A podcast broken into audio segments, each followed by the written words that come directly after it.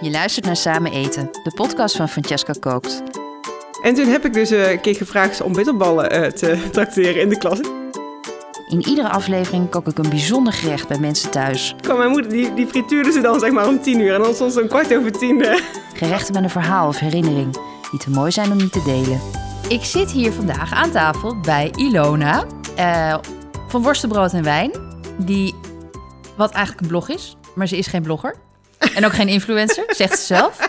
En ze is de bitterballenkoningin van Nederland. Nou, dat is wel de mooiste titel die je kunt eh, hebben, denk ik. En dat is ook de reden waarom ik vandaag naar Tilburg ben gereden. Want wij gaan samen bitterballen maken. Yes. Welkom. Dankjewel. Eigenlijk, eigenlijk ben ik welkom Ja, hier. hè? welkom hier. Ja, leuk dat je er bent. Hey, ik, mijn eerste vraag die ik wil weten. Hoe, wat heb jij met bitterballen? Wat, waar de fascinatie? Waar is die vandaan gekomen? Ja, het is gewoon een beetje een uit de hand gelopen eh, hobby. Het is zeg maar letterlijk zeg maar dat bitterballetje is gaan rollen en hij is niet meer, hij is niet meer gestopt. Nou, het is wel grappig. Ik heb het ehm, eh, een tijdje terug aan mijn moeder gevraagd. Van heb ik, ja, heb ik altijd al iets met bitterballen gehad? Ik had dat zelf eigenlijk niet zo, ja, kon me het zelf niet zo goed herinneren. Maar toen vertelde zij dus dat ik dus op de lagere school, op de basisschool, wij woonden daar letterlijk in de straat, zeg maar, vlakbij. En nou, dat was nog in de tijd dat je als kind van alles mocht eh trakteren op school. eh, en niet zeg maar, weet ik glutenvrij of eh, suikervrij, weet ik het allemaal waar het aan moet voldoen tegenwoordig.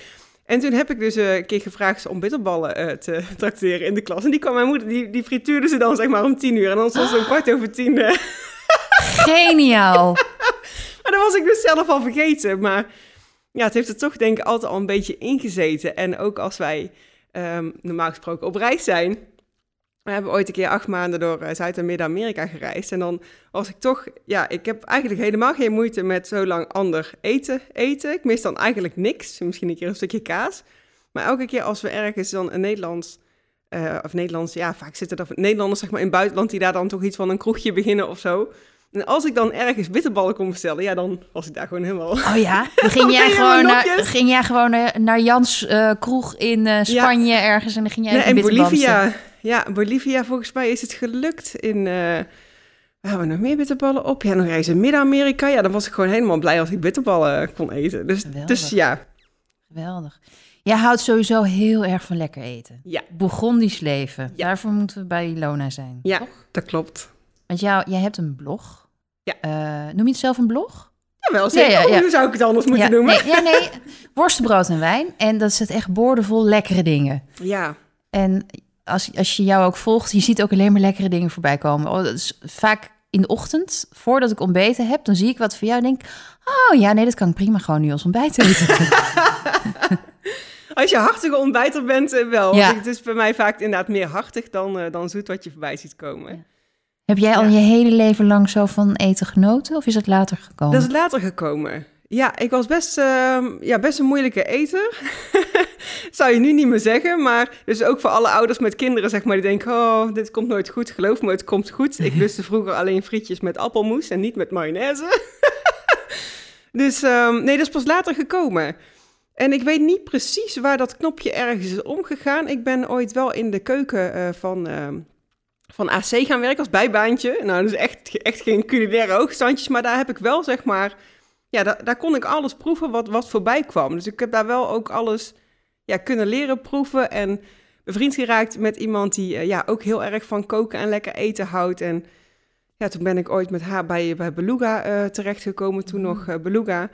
En ik denk, ik denk nog steeds zelf dat daar echt de knop is omgegaan van... Wauw, zo kan eten zijn. Ja. En dan zeker in combinatie met wijn. En nou ja, dat doe ik nog steeds. En toen de bitterballen. Want jij hebt daar een boek over geschreven. Ja. Vertel eens over het boek.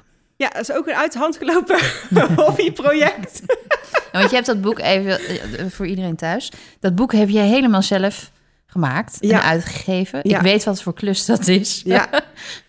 Monsterklus. En, eh, en ik heb ook al vaker gezegd, als ik het van tevoren had geweten, dan was ik er misschien niet eens aan begonnen. Maar ehm, ja, ik ben achteraf toch gewoon heel blij dat, ik het, eh, dat het er is. Ik ben er sowieso heel erg trots op. En hoe dat boek er is gekomen, ik ben dus die bitterballen, eh, nou ja, ik ben dus... Eigenlijk moet ik terug naar hoe ik bitterballen ben gaan maken. dat was dus, eh, ik denk in 2016 zat ik thuis met burn-out verschijnselen. En uh, het boek, uh, het groot culinair krokettenkookboek van Edwin Katz stond al een tijdje in mijn uh, kast. En toen dacht ik, weet je, ik heb er nu de tijd voor. Ehm, ik ga daar gewoon eens mee beginnen. En dan maak ik het mezelf niet te moeilijk. Dan doe ik gewoon, zeg maar, hè, eerste dag uh, salpicon maken. De tweede dag rollen. En ja, gewoon overzichtelijk. Dus zo ben ik ermee begonnen. En dat ben ik uiteraard ook gaan delen op Worstenbrood en Wijn, zeg maar, Instagram-account. En dat viel gewoon op. Dus zeg maar, op een gegeven moment, ik maak hartstikke, ik, ik vind zelf, ik, ik snap nog steeds niet waarom mensen alleen aan mij denken met bitterballen, want ik maak zoveel andere dingen. Maar die bitterballen, die, ja, die zijn opgevallen en ik kreeg daar gewoon zoveel reacties op, ook van andere foodies, van kan ik die niet uh, kopen bij jou of kan ik ze, kan ik ze niet proeven of... En dan denk ik, ja, ik ga er niet aan beginnen om ze te verkopen, want dat, uh, dan is het, uh, zeg maar, dat is het einde zoek. En, en dat is, daar is het ook veel te arbeidsintensief voor. Maar ik denk, ja, ik vind het wel heel erg leuk, zeg maar, om, om het aan anderen te laten proeven. Dus toen ben ik een soort van bitterballenborrels gaan organiseren bij mij thuis. Ik heb gewoon allemaal foodies die ik niet kende, alleen via Instagram, bij mij thuis uitgenodigd om die bitterballen te komen proeven. En ja, daar kwam uiteindelijk ook, ja, ik weet niet eens meer wie het als eerste heeft verroepen, maar daar kwam die naam bitterballenkoningin, zeg maar, Oppoppen. Ja, oppoppen. Aanrollen. Ja, die kreeg ik ineens zo op Instagram, was ik ineens de bitterballenkoningin. Ja. Dat is ook de reden waarom ik dat andere account heb aangemaakt. Dat mensen mij niet meer gevonden kregen. Want die waren aan het zoeken op bitterballen in plaats van worstenbrood en ja, wijn. Ja, ja, ja. En, uh, en van, ja, toen kwam dus ook de vraag uh, van... Goh, waarom, heb, waarom heb je die recepten niet in een boek zitten? En uh, ja, dacht ik, ja, ik heb eigenlijk wel genoeg ideeën voor recepten in een boek. Dus. Ja. En het, is er nog, het was er nog niet. Er was nog geen bitterballenboek. Nou, wat ik heel leuk vind aan het boek is... Um, A, je leert gewoon goed hoe je een bitterbal moet maken. En dat ga jij mij zo meteen ook leren. Ja. En iedereen thuis ook. Um, maar de variaties die erin staan, die verrassen echt. Ja. Je, we kennen allemaal de bitterbal. En we kennen allemaal de, de runderbitterbal of de garnalen of de kaas inmiddels. Um, maar dat je nog veel meer ermee kan maken, dat is eigenlijk nog helemaal niet zo bekend. Ik Nee. denk dat mensen heel vaak de basis nemen, of kopen zelfs, uh, maar niet verder experimenteren. En dat vind ik zo leuk aan dit boek, dat het je echt aan het denken zet. Ik, oh ja, maar die smaakcombinatie kan ik wat, of daarmee. Toen ik jou ook zag komen met de aspergebitterbal met de ham, dacht ik, oh ja, weet je, geweldig. Dat is gewoon hartstikke leuk om te doen en om daarmee te variëren. En dat maakt het denk ik uniek. Ja, dat. Ja, terwijl, terwijl ik daar toch ook echt niet de eerste in ben. Maar, maar het is denk ik gewoon bij een, uh, ja, bij een kleiner publiek die daarmee bezig is. En ik merk wel dat als op een gegeven moment mensen inderdaad een soort van... als dat knopje om is gegaan, als ze een keer van die bitterballen bij mij hebben geproefd... of als ze er zelf mee aan de slag zijn gegaan, dat ze denken... oh, dat is lekker. En, en dan, dan zie je ook gewoon van... Uh, ik denk namelijk vaak in bitterballen. Hè? Als ik een lekker recept uh, heb of ergens iets proef of, of een nieuwe smaak echt proef, denk ik, oeh, zou dat zijn in de bitterbal? Maar je ziet dus dat anderen dat ook, op het moment dat ze dat zelf een keer geproefd hebben, dat ze ook gaan denken in bitterbal smaken. Ja. Dus uh, ja, en ik, ja, ik vind het gewoon super leuk om daarmee te experimenteren. Ik heb um, drie belangrijke vragen over de bitterbal. Oké. Okay. Uh, die gaan we zo allemaal even beha behandelen. De eerste is, wanneer is een bitterbal geen bitterbal? Dus wat zijn de no-go's die absoluut Ja. niet mogen? Welke dingen heb je nodig om een goede bitterbal te maken? Ja. Ik heb bijvoorbeeld geen frituurpan thuis, dus ik zie jou al gelijk. ja. uh, dan kun je geen bitterbal maken. Um, en de derde vraag is: uh, wat zijn de lekkerste bitterballen die jij ooit hebt gegeten? Dus we beginnen bij vraag 1. ja. Wanneer is een bitterbal geen bitterbal? Ja, uh, voor mij is een bitterbal geen bitterbal. Overigens moet, moet ik meteen vertellen, een bitterbal is dus echt precies hetzelfde als een kroket. Ja. Alleen een andere uh, vorm, een kleinere vorm. En voor mij een makkelijker te rollen en paneren vorm. Vandaar bitterballen. Voor mij is een bitterbal geen bitterbal als er een vulling bijvoorbeeld van aardappel, een aardappelbasis in zit. Of bijvoorbeeld met, ja, wat heb je nog meer? Ja, met rijst, dan is het eigenlijk al arancini, hè? Ja, ja. En um, ja, ik vind ook eigenlijk dus een bitterbal moet een basis hebben van, van bouillon. Uh, en, en niet zozeer van melk. Dat kan ook. Mm -hmm. uh, dat is wel grappig trouwens, want de bitterbal die we direct gaan maken heeft wel een soort van melkbasis. Maar dat is weer een ander verhaal, dat vertel ik zo. Het even makkelijk dat, te maken. Dat is kokosmelk. nee, maar als je zeg maar op basis van melk, dan, uh, dan is het meer de, de Spaanse uh, croquetas zijn dat eigenlijk. Ah? Bechamel uh, die zijn basis. wat romiger Ja, ja, ja. ja. Ja, dus ik vind eigenlijk, zeg maar, voor, ja, zoals we in Nederland zeg maar, de bitterballen kennen, dan is het dus een, een, een vulling op basis van een gebonden bouillon. bouillon. Ja. ja. oké. Okay. En wat is een no-go als het gaat om paneren? Um, nou, vind ik eigenlijk niet echt no-go's qua paneren. Nee, want eh, daar kun je juist ook heel erg leuk mee variëren. Eh, door verschillende soorten paneermeel eh, te gebruiken. Mhm. Dus hè, je gewoon normaal paneermeel of panko krijg je een wat meer eh, ehm, ja, robuuster korstje. Ja. En, je, en ik vind het ook Als je thuis niet weet wat panko is, dat is Japans Ja. broodkruim. En dat is wat, wat grover, Dat is wat, wat harder. en ja, je kunt er wat meer een, meer een bite mee krijgen. Ja, dat komt het dichtst in de buurt bij wat eigenlijk hè, de, de normale traditionele bitterbal heeft een... ehm, heeft eh, twee, eh, ook twee eh paneerlaagjes. Een, eentje van fijn paneermeel en eentje van grof paneermeel. Mhm. En, en panko komt het dichtst in de buurt van grof Grof, paneermeel. ja. Ja. Ja, maar je kunt dus ook heel erg variëren met eh, ja, fijn gestampte tortilla chips. doe ik zo bijvoorbeeld bij mijn nachos bitterbal. En je, fijn gestampte, hoe heet dat ook alweer, sarundeng bij mijn saté bitterbal. Dus zo kun je daar zeg maar mee experimenteren. Is niet echt een, een no-go. Ik vind zelf wel heel fijn om eh, eiwit te gebruiken. Ik heb het ook wel met, ehm, met gewoon ei eh, gedaan. Ja, ik heb het idee dat die dan iets minder krokant wordt. Ja. Ik heb het idee dat het eiwit wat krokanter eh, En wordt. eiwit, ik heb de, de discussie of de vraag wel eens gevolgd op jouw account. Waar koop je eiwit, los eiwit? Want Ja. dat kun je niet overal krijgen. Nee, helaas heeft eh, Albert Heijn heeft het uit de schappen gehaald of uit Ja, dat was assortiment gehaald. Two Chicks. Dat was een geweldig spul. Ja, dat was een heel fijn Ja. eh, flesje. Dat stond altijd in de koeling. Ja. Op een gegeven moment hebben ze daar volgens mij pakjes van gemaakt. eh, van die kleine melkpakjes. Maar die zijn, nou in ieder geval bij de Albert Heijn zijn ze weg. Ik weet nu in ieder geval, Jumbo heeft het in het assortiment. Ook in een pakje inderdaad. En het staat niet in de koeling, maar bij de eieren. Bij Plus heb ik het ook bij de eieren gezien. Ja, en daar Ja. is een, wat kleinere verpakking volgens Ja. mij. Ja, en ik bestel het ook wel eens online. Ja. Als je het in grotere En, en bij de, bij de groothandel is het natuurlijk ook eh, te krijgen. Ja. Maar goed, dan moet je, wel, moet je wel veel tegelijk willen maken, zeg maar. Anders kan je het weggooien, denk ik. Als je een bitterballenfeestje... Oh, Ja. maar we kunnen even geen feestje Nee. organiseren. Maar nou, je kunt er- maar gewoon een klein Maar je verpakking. kunt, er wel, je kunt er wel grote hoeveelheid maken en invriezen. Want het is echt prima te bewaren. Oh, dus ja. nou goed. Ik ben alvast vooruit rollen voor de feestjes. En dan maak je ze helemaal tot het moment van bakken... en dan Ja. vries je ze in. Ja, ik vries ze sowieso altijd het liefst in. We zullen direct waarschijnlijk hè, van de verse die we zo maken, die ga ik ook eh, frituren. Maar het liefst heb ik ze eigenlijk uit de vriezer. Omdat ze dan ook net iets krokanter blijven en minder snel klappen. Omdat ze eh, ja, gewoon goed, goed gekoeld zijn. En dan gaan ze bevroren erin? Ja. hey, Ja, dat is een goede tip. ja. Heb je nog andere dingen die je echt niet bij bitterballen vindt horen?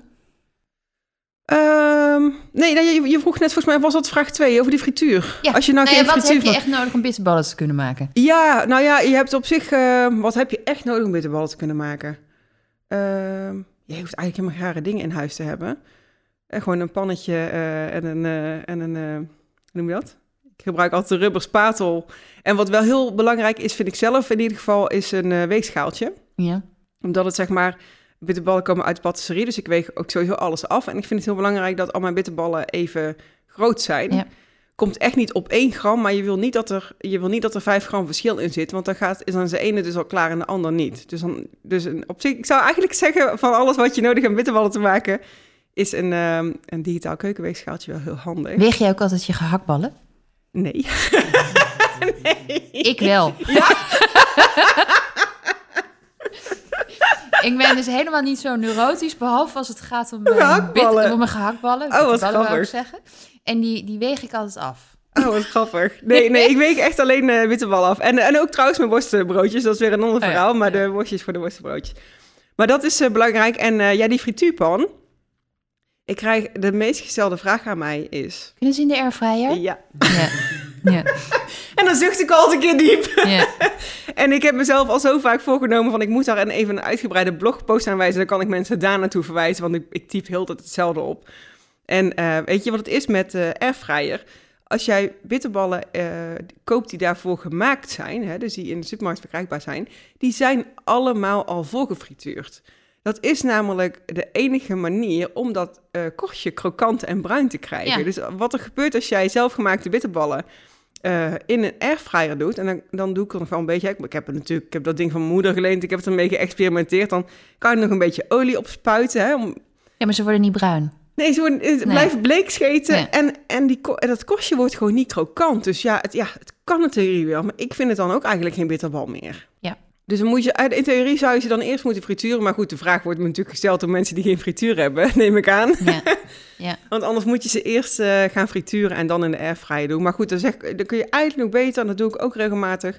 Al is het alleen maar om anderen te laten zien hoe makkelijk het is. Gewoon een klein pannetje op het fornuis met een eh, dikke laag olie. En frituur ze Ja, dan zo frituur ik Ja. zelf ook altijd. Dan Ja. gooi ik het gewoon in mijn eh, braadpan en daar eh, bak ik in. Want dat kan ook. Hè? Maar moet je dan wel de temperatuur opmeten? Is het belangrijk om de temperatuur constant te houden? Ja, nou, dat lukt natuurlijk nooit helemaal eh, Nee. constant houden. Maar ik, ik meet hem wel altijd. En als mensen zeggen, ja, maar ik heb geen kerntemperatuurmeter. En dan is er ook nog een soort van truc met een, een- met een satéstokje, zeg maar, wat, er, wat je erin houdt. En als daar meteen bubbeltjes opkomen, ja, je weet natuurlijk niet precies, zeg maar, wat dan de temperatuur is, maar dan is hij warm genoeg om te Mm. frituren. Ja. Dus dat maar goed, zo'n zo'n eh, temperatuurmetertje met zo'n pinnetje... die koop je geloof ik voor eh, anderhalve euro bij de... Ja, ze zijn zo, eh, zo goed Nou, ze zijn, en wat ik, ik, nou, laat het 3 euro zijn. Ik Ja. heb er toevallig een tijdje terug eentje gekocht omdat mijn andere stuk was. Ehm, maar die, die kosten echt drie keer niks. En die zijn zo handig. Ja, en ik vind, ik zeg dus ook, en zelfs al heb je een frituurpan, ik heb inmiddels drie verschillende frituurpannen in allerlei soorten Ze zijn altijd anders qua temperatuur. Ja, ja, het klopt echt zelden, zeg maar, dat, dat de temperatuur die erop staat, dat die overeenkomt met die olie. En ik schrijf daar ook, zeg maar, frituurproducenten op aan, van ja, het klopt niet. Ik heb er zelfs ooit eens teruggestuurd, want die kwam gewoon niet boven de 170 uit. Ja, ja daar kan ik niks mee. Nee, Dus, ehm, nee. En, en, en ik weet gewoon, mijn, mijn kleine frituurpannetje, die zet ik op 165, 170. Mijn allergrootste frituurpan moet naar de 190 op de max, zeg maar. En dan wordt die pas 180. Dus ja, ik meet het. Ik, je moet je frituurpan ook leren kennen. Ik meet het Ja. altijd na. Nou, net als je oven eigenlijk, hè? Ja, Die werkt ook Ja. steeds weer anders. ja. En daarom vind ik het ook altijd heel lastig om als mensen mij zeggen... ja, mijn bitterballen klappen, wat doe ik verkeerd? Ja, dat kan op zoveel punten misgaan... dat ik dan niet altijd kan zeggen van... ja, ja hoe is je olie? Maar nu we het daar toch over hebben, Ja. op wat voor punten kan dat misgaan dan? Eh, dat kan op verschillende punten eh, misgaan. Eh, bijvoorbeeld als je ehm, eh, bij het rollen... als daar te grote, noem je dat... Ehm, scheurtjes in, in zitten... Mhm. Of als er harde stukjes uitsteken. Dat is bijvoorbeeld daar vandaag met, met, de, met de kip. Dat, dat, dat is al zacht van zichzelf. Dat gaat niet snel gebeuren. Maar je hebt er ook bijvoorbeeld met stukjes eh, chorizo of, eh, of eh, zeg maar wat andere harde stukjes. Als die uit gaan steken. Mhm. Ja, dan heb je gewoon kans dat dat, dat, dat open gaat klappen. Het kan natuurlijk ook zijn dat ze zijn eh, bevroren. En eh, daarbij aan het bord of aan elkaar zijn gaan ehm, bevriezen, zeg maar. Dus je moet ze eigenlijk los van elkaar invriezen. Mhm. Daar kan natuurlijk fout gaan, hè? Als, dan, als je het dan uit elkaar haalt en van, hé, hey, daar gaat ook iets kapot. Ehm, ja, met paneren gaat het denk ik zelden fout als je tenminste gewoon alles goed door het ei eh, wit haalt en dat paneert.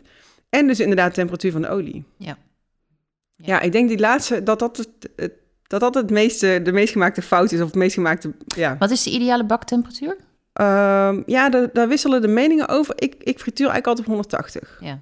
Ja, Ja. kan ook 175. Ja. Ik zou niet voor 190, al- dan, dan, dan, dan wordt het gewoon te donker en, en te, nee. En jouw favoriete bitterbal? Oh ja, mijn favoriete bitterbal. Je mag er een Ehm, paar noemen hoor, want ik kan me voorstellen dat het lastig is. eh. Ja, dat is lastig. Nou, mijn, ehm, van mijn eigen bitterballen, laat ik daar dan mee beginnen. Die vergeet ik namelijk nog wel eens. Eh, van mijn eigen eh, bitterballen is toch eigenlijk, ja, wat jij net al zei, met de asperges, ham, ei en peterselie. En dat heeft eh, twee redenen. Ik heb, eh, ben ontzettend gek op witte asperges. Echt, als het hier zodra hier staat er hier verderop zeg maar, een bordje met asperges kopen, dan ja, ga ik gewoon helemaal uit mijn dak. Je kan hier gewoon in de straat asperges kopen. Oh, Ja. ja. oh. Ja, die luxe hebben wij inderdaad om bij twee aspergeboeren in de straat eh, te wonen.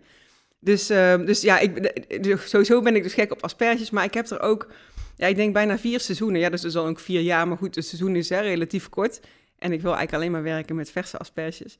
Ja. Dus ik heb er vier seizoenen over gedaan om die, om die, om die bitterballen perfect te krijgen, zodat je zeg maar en, eh, en de aspergesmaak, maar ook de ham, zeg maar, dat je alle smaken gewoon goed terugproeft, zonder dat het een het ander overheerst. En eh, dus ik was al heel erg trots dat het gewoon gelukt was. dus dat is eh, in, de, in de lente is dat echt mijn favoriet. Ja. Andere smaak in mijn boek is dus eigenlijk niet eh, van mijzelf, maar daar is het voor mij wel een beetje mee begonnen. Daarom is het nog steeds een van mijn lievelingsbitterballen.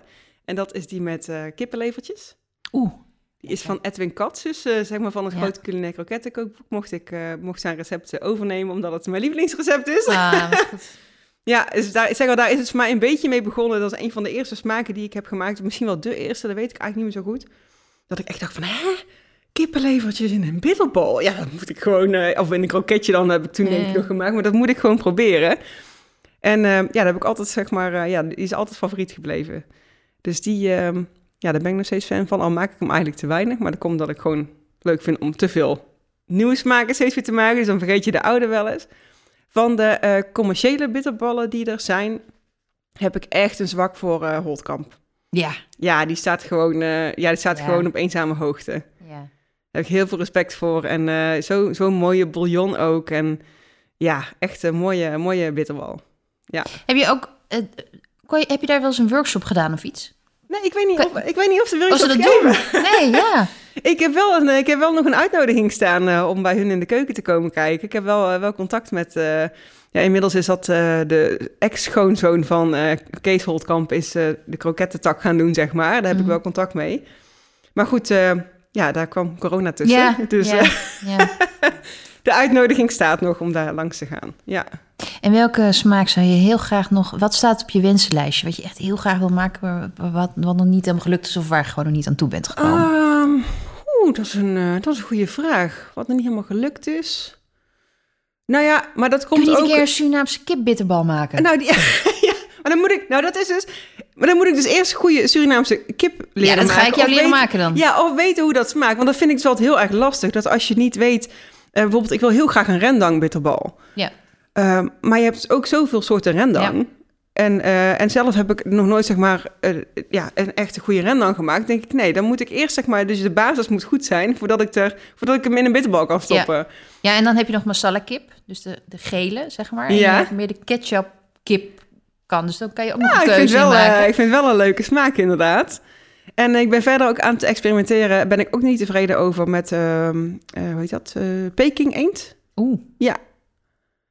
Oeh. Dus dat ja, is, al wel, is al wel lekker, maar nee, daar ben ik ook nog niet... dus, maar ik had me vergist in de hoeveelheden. Dus ik had op een gegeven moment... Ik, had, ik dacht, ik maak gewoon een half recept, maar toen was ik weer vergeten. Dus toen had ik zeg maar ineens 70... Ja, ik noem het dan mislukt, maar ze zijn helemaal niet mislukt. Ze zijn gewoon nog niet zeg maar eh, perfect naar mijn zin. Hoeveel bitterballen zitten er nu in jouw vriezer? Ik durf het echt niet te zeggen. Mag ik zo meteen kijken? Ja, je mag kijken. Dan ga ik daar een foto van maken. Dat vind ik leuk. Die zet ik dan misschien op mijn blog, toch? Ja, ja. ja, ik zat wel een beetje bij elkaar, eh, bij elkaar rapen, want ze zitten, ze zitten overal en nergens. Ja, Ehm, wij gaan zo meteen eh, bitterballen maken. Ja. Eh, vertel, welke smaak gaan we maken? de Thaise curry met kip. Hoe maak je die? Wat, in ieder geval, wat is je vulling? Wat is daar de Ja, basis? nou, ik heb vandaag dus gekozen voor een vulling van eh Thaise rode currypasta. En ik maak altijd heel graag alles liefst from scratch. Maar met de currypasta doe ik dat heel bewust niet. Omdat eh, het merk wat ik gebruik gewoon zo ontzettend in de buurt komt van wat ik ooit in Thailand heb geproefd. Dat ik nooit de moeite heb genomen om dat dan zelf maar te gaan maken. Mhm. Dus die, ja, die spreekt gewoon ontzettend al qua smaak. En eh, wat er meer in gaat, is ik, ik heb vandaag gekozen voor kip. Maar je kunt dus ook gewoon heel makkelijk, als je zegt van ik wil geen kip, eh, ik wil vegetarisch, dan pak je aubergine, is heel mooi in een bitterbal. Of misschien wel paddenstoelen, doen het ook heel goed. Ja. Dus je kunt daar gewoon ontzettend mee, eh, mee variëren. Dus je kunt variëren in de currypasta, maar ook met de vulling, zeg maar. Dus vandaag gebruiken we kip, maar je kunt ook garnalen pakken of vegetarisch of rundvlees. Ja. Ja, en verder doe ik er nog een, ehm, vind ik altijd zelf heel belangrijk, omdat ik dat ook altijd per se in mijn, in mijn Thaise curry wil. Zo'n eh, zo'n curryblaadje, hoe heet dat ook alweer? Jurukpurut of ja, zo? Ja, ja. ja, een beetje Ja. vissaus voor het zout. Dus we hebben zeg maar de pittigheid van de eh, currypasta en het zout van de vissaus. En een frisje van het limoenblad. Ja, Hm, ben benieuwd. en eh, heel erg goed gevuld dus. Mijn bitterballen zijn, geloof een vulling van 40% ongeveer, zeg maar. Mhm. En een gemiddelde bitterbal is denk ik 8% vulling. Oh, echt? Ja. Ehm, dat is Ja. niet. Ja, moet je voor de grap maar eens voor die pakjes kijken. Of 15%. Ik, de enige Waar zie er, je dat staan dan op de verpakking? dat staat er gewoon op. Oh, dat staat er gewoon op. Ja, ik, ik want ik heb denk ik nog wel eh, een aantal bitterballen. Ik zal er eens voor de grap even kijken inderdaad wat erop staat. De enige die, de- die dus in de buurt komt ook van, van mijn vulling, die zit volgens mij ook tegen de 40% aan. Dat is dus Holtkamp. Hm. Met goed gevulde bitterballen. Ja. Waar je gewoon de, de vulling ziet en proeft. Ja, dat is ook weer een eye-opener. Hey, wat zijn de stappen die je neemt van A tot Z bij het maken van een bitterbal? Eh, van A tot Z. Heb je even. nee, het valt wel mee. In grote lijnen. Ja, in grote, lijnen, in grote lijnen deel ik het dus altijd eigenlijk op het liefst in drie dagen. Voor mijn eh, online workshops eh, prop ik dat in drie uur. Ik zal zo vertellen hoe ik dat doe. Maar idealiter zeg maar, maak je op dag één de salpicon. Dat is de vulling van de bitterbal. Ja. Eh, op dag twee ga je ze eh, rollen en paneren. En dan ja, doe ik ze het liefst een nachtje of in ieder geval minstens een paar uur in de vriezer. En dan eh, pas frituren, zeg maar. Ja. En het maken van die salpicon is...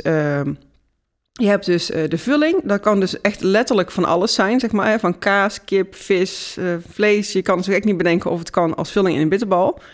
Dus je hebt de vulling en ehm, die ga je uiteindelijk... Je gaat dus beginnen met een roux van boter en bloem.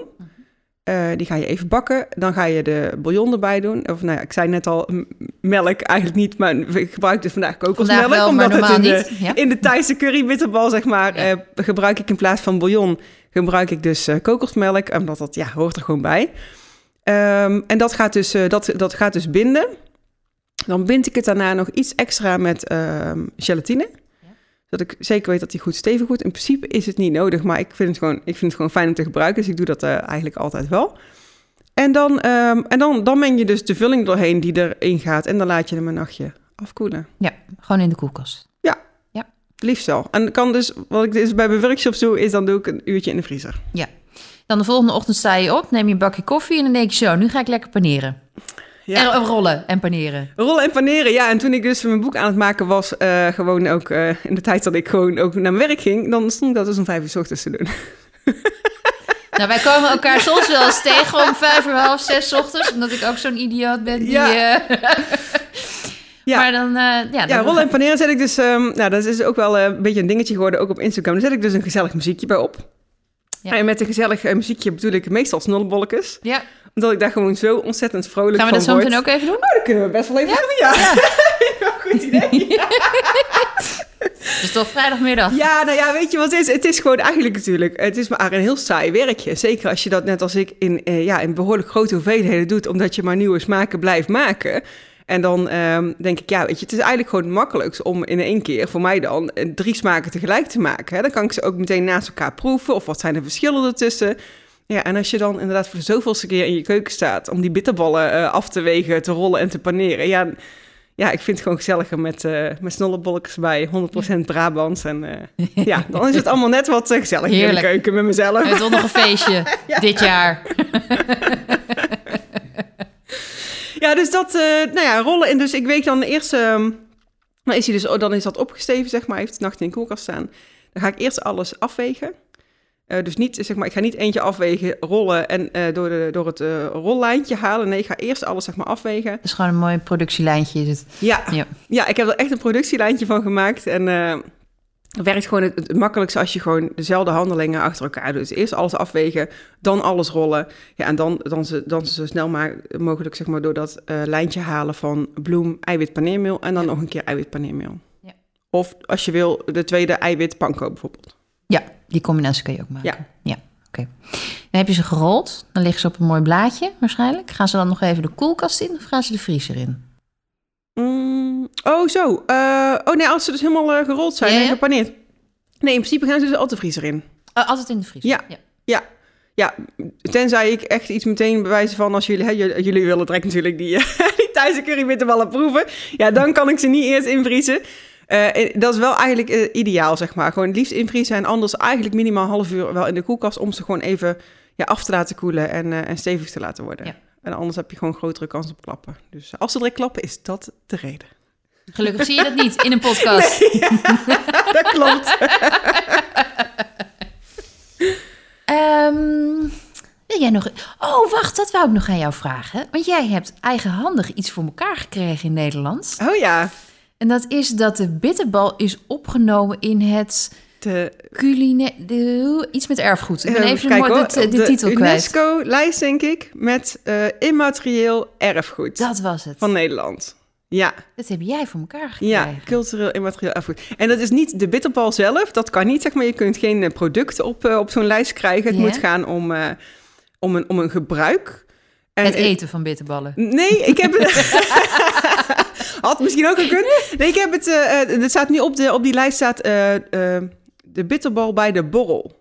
Oh. Dat is iets typisch Nederlands, zeg Ja. maar, dat wij de bitter... Sowieso zijn bitterballen in, in, maar in weinig andere landen verkrijgbaar. Maar bijvoorbeeld hè, onze zuiderburen in België, die, die, die kennen wel bitterballen. Die eten ook bitterballen. Maar meer gewoon als ze een frietje halen. En, Ah. eh, en wij, ja, in Nederland is dat echt eh, bij de borrelcultuur, zeg maar, met bitterballen op een feestje, eh, op, op, een bedrijfs, hoe noem je dat? Ja, als, Ja, als er ergens ja. een borrel is Ja, of op een bruiloft, weet je, er komt op een gegeven moment een schaal met bitterballen. Dat is typisch Nederlands, dus dat staat erop. Ja. Ja, Zou de bitterballenmarkt nu ook enorm zijn ingestort? ja. Denk het wel, Ja. hè? Ja, en dat ehm, aan de ene kant zou je zeggen, ja, de mensen kunnen gewoon eh, lekker thuis uh, Ja, frituren. het werkt anders. Dat werkt anders. Eh, mensen bestellen gewoon inderdaad vaker bitterballen in, de, ja, op het terras of in de Ja. kroeg. En eh, dat vind ik ook heel erg sneu, en extra sneu nu, zeg maar. Eh, heel veel van die bitterbalproducenten, die hebben een eh, contract. Dat- Die zitten bij een bepaalde, hoe noemen we dat? Ehm, ja, vereniging of weet ik het wat. Dat zij exclusief aan horeca leveren. Ja. En dat zijn vaak de kleinere producenten waarschijnlijk. niet? Nee, ook de grotere. Ook de grote? Ja. Oh. Ja, bijvoorbeeld Holtkamp bitterballen zijn niet in de supermarkt verkrijgbaar. Die zijn alleen maar in de horeca verkrijgbaar. Ja, of bij de groothandel of, of in hun eigen zaak. Maar ja, dat is natuurlijk peanuts bij wat er normaal gesproken verkocht Ja. wordt via de horeca. Ja. Ja. Ja, is gewoon dramatisch. Ja, begon die bitterbal ook. Dus gewoon, ja, die zijn, gewoon, die zijn niet in de supermarkt verkrijgbaar. Kan je wel rechtstreeks bij ze bestellen of niet? Dat denk ik niet. Nee, nee, dat denk ik niet. Ik zal het eens even bekijken als ik mijn, mijn blog erover schrijf. Goed. je? Anders kunnen we altijd nog even wat linkjes erin zetten om, Ja. eh, om die producenten Ja. even... ja, nee, dus eigenlijk, eh, ja, dat is eigenlijk heel sneu. Eh, ik, denk, Ja. ik denk juist de kleinere bitterbalproducenten, want die zijn er natuurlijk ook. Mm. Dat, dat, die, dat, dat die dus wel, zeg maar, ja, gewoon hun afzetmarkt nog hebben. Ook misschien minder naar de horeca, maar dat die wel, ja, die zijn nog wel verkrijgbaar, zeg maar. Ja, nee, dus ik, eh, ik, weet ook, ik weet ook uit betrouwbare bron dat er dus ook gewoon, ja, op een gegeven moment eh, is die productie gedraaid en eh, wordt het niet verkocht, maar dan zit er wel een houdbaarheidsdatum op, kan Ja. gewoon weg. Goed, iedereen meer bitterballen eten. Yes. Gaan we bitterballen bakken? Ja. Maken, eerst, daarna bakken? Ja. Oké, goed plan. Leuk. Zal ik even bakken dan? Ja, ga je even bakken? Ja, joh, eerst even de currypasta dus een beetje, maar dan een beetje los. Ja. En dan mag je daarna de kip erbij gooien. Ja. Ik gebruik trouwens voor dit maakt dat niet zo uit hoor, de kip bakken. Maar ik gebruik wel heel bewust die rubber spatel. Waarom is dat? De belangrijkste reden is omdat er geen kant zat zijn. Ja, dan doen we dat. Op drie minuten. Ik zet ook letterlijk de wekker voor mezelf. Omdat ik gewoon al heel snel denk zeg maar, dat het goed is. En nou moet ik zeggen, nou, Ah. deze heeft ook best wel een mooie verhouding hè, van bron op boter. Dus dit bakt ook lekker makkelijk. Maar zeker als hij wat droger is. Ja, ik weet niet. Dan heb ik sneller de neiging om, om te zeggen van het is al goed. En, en, en ik wil gewoon niet die bloemsmaak erin hebben. Nee, zeker niet. Wat heel belangrijk is, dat het koud is. Dat is het ja. Koude bouillon. Koude bouillon. Oh. Altijd af laten koelen, dus voordat je hem gebruikt. In dit geval heb ik de kokosmelk, die is al koud. Ja. Ja, het is of, En waarom? eh, het is... eh, Want het voelt heel tegennatuurlijk om iets kouds met Ja. iets warms te doen. ja, echt voor de, voor de binding. En het is dus eigenlijk zeg maar koude bouillon op warme roep. Ja? Of bouillon op koude roep. In één keer? Ja, in één keer. En dan in een, goed, in één keer goed blijven boren. Nou, dit is ook cruciaal. hè. Ja? Eh, ja, dit is, dit is Dus hier kan ik het nu of verkloten of... Ja, eh, ja, ja, als je het erg gaat verkloten is het hier. Gaat het goed nu? Ik zou er nog een beetje Ja. zout in doen. Wat jij wil, maakt niet uit. Oh, dat is wel heel veel. was dat. We gewoon een actie van Instagram. Ja, dit is gewoon easy peasy. Ja, toch? Ja. Zo wordt het gewoon, weet je, ik heb het mezelf gewoon in de loop van de tijd makkelijker gemaakt. Dat Ja. je er meer, ja, meer handigheid in krijgt. Ja, weet je wel, dat is niet handig als ik dat allemaal, weet je wel, ik had iemand in Want mijn... dit eh, is niet, zeg maar, standaard hoe je leert om een bitterbal. Ik weet het eigenlijk niet hoe, hoe mensen dat normaal Ja. geleerd krijgen. Ik heb lekkere bitterballen achter mijn kiezen.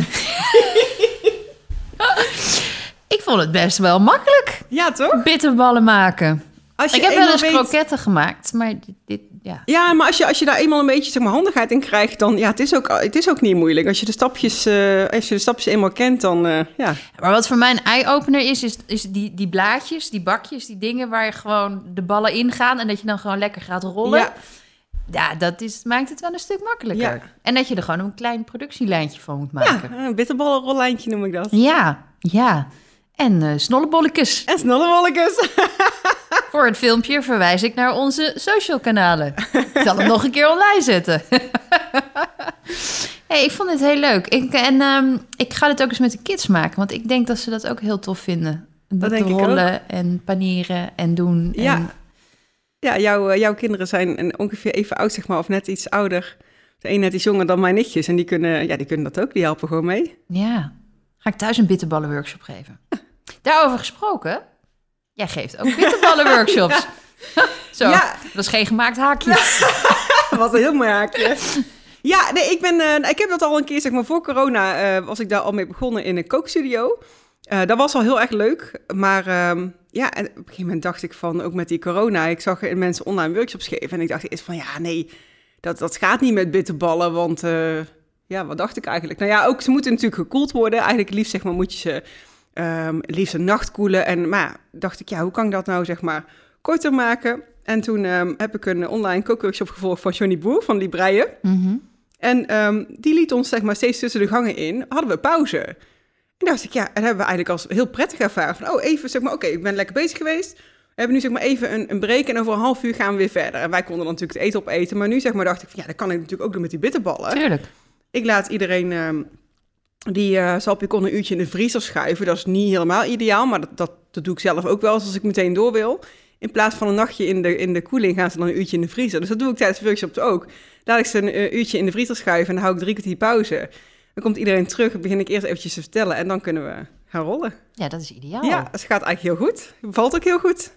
En wat voor bitterballen maak je dan tijdens zo'n workshop? Nou, daar moet ik wel natuurlijk een beetje uh, selectief in zijn, want um, het moet ook wel zeg maar, binnen de gestelde tijd uh, te maken ja. zijn. En dan, uh, ja, in Terry, ik noem, noem wel heel extreem, maar hij kan moeilijk iedereen eerst acht uur, uh, uh, hoe noem je dat? bouillon laten trekken. Bouillon laten ja. trekken of, of pulled pork laten ja. garen. Dus ik kijk wel een beetje qua ingrediënten van, ja, wat is gewoon makkelijk om te maken. Dus tot nu toe heb ik eigenlijk nog maar twee smaken gemaakt. Morgen ga ik een derde maken. En dat was chorizo paprika en uh, paddenstoel. Echt met de feestdagen, zeg maar, in het achterhoofd. Die heb ik net gegeten. Ja. Die is lekker. Feestelijke vegetarische bitterbal. En morgen staat er op de planning um, gerookte zalm, roomkaas en dille. Oeh. Beetje met Pasen in, uh, in het achterhoofd. Ja. Dus, uh, ja. En dat... Uh, en, en die wij net gemaakt hebben, zou ook prima kunnen. Want die kun je dus ook eigenlijk hè, de kip eventjes kort bakken. En dan kun je ook meteen door. Maar het recept daarvoor gaan we ook even op mijn blog zetten voor iedereen. Yes. Um, als mensen een workshop bij jou zouden willen volgen online, ja. kan dat nog? Um, dat denk ik wel. Ik weet natuurlijk niet precies wanneer deze podcast uh, online ja. komt. Op momenten heb ik even met mezelf afgesproken. Nou, ik wacht heel eventjes met nieuwe uh, data plannen. Um, even kijken hoe het allemaal gaat lopen, ook uh, met corona en onze reisplannen. Maar ik ben wel bezig met het uh, online zetten van zeg maar on-demand workshops. Dus dat is net een iets andere beleving dan, dan live. Hè? Want dan ben ik er niet echt bij, maar ja, ik vertel eigenlijk wel alles precies zoals ik het ook zou doen als we die workshop zouden hebben. Maar ik ga eind van het jaar zeker, uh, zeker uh, nog meer data plannen voor online richting workshops. de feestdagen. Ja. Vriezels voor mijn bitterballen. Kerstbitterballenborrel. Ja. Lijkt me mooi. Ja. Ja, daar kan ik wel wat mee. Dat, Stoofvlees met cranberries ik... en dan in een bitterbal. Zeker, oh. ja. ik heb, wij waren toen het nog de, de, onze allerlaatste reis voordat corona kwam was naar Amerika hebben bij vrienden uh, Thanksgiving ge gevierd. En uh, ja, zij, zij, ik weet natuurlijk ook uh, via ons wat bitterballen zijn. Ze hebben inderdaad ook de Thanksgiving kalkoen ja. in de bitterballen gedaan. En een dipje gemaakt met cranberry saus en mayonaise. Heerlijk. Ja, was ook erg lekker. Oh, gaan we zo nog wat bitterballen frituren? Ja. Ja? ja? ik wil nog even eindigen met je boek. Ja. Die is gewoon nog te koop. Ja, het Burgondische bitterballenboek. met ja. 50... Nee, nee, zoveel staan er nog niet oh. in. 30 staan erin. Oh, 30. Ja. Dat is ook heel veel. Ja, is ook heel veel. Daar kun je echt uh, een, een, tijdje mee vooruit. En ja. het is echt zeg maar opgedeeld in uh, vlees, uh, vis, gevogelte en vegetarisch. Ja, en alle basis... Uh, informatie, de basisstappen, basisreceptuur, die staan ja, er ook in. alle tips en trucs. En uh, wat ik ook extra leuk vind, wat er als soort van extraatje in staat, is uh, allerlei leuke tips wat je erbij kunt drinken, zeg maar. Die heb oh, ik niet zelf ja. bedacht. Die hebben een aantal ja, kenners heb ik, heb ik daarvoor gevraagd. Wat leuk. Bijpassende biertjes, wijntjes, drankjes. Ja. Want in Nederland borrelen we met bitterballen. Ja, zo is dat. Ook als we thuis zitten. Ja. onwijs bedankt voor deze eh, leuke, leerzame, lekkere middag. Eh, ik ga morgen bitterballen maken met de jongens.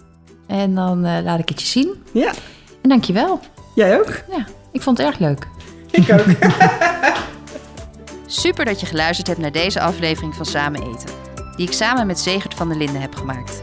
Hij deed de technische productie, want daar heb ik natuurlijk helemaal geen verstand van.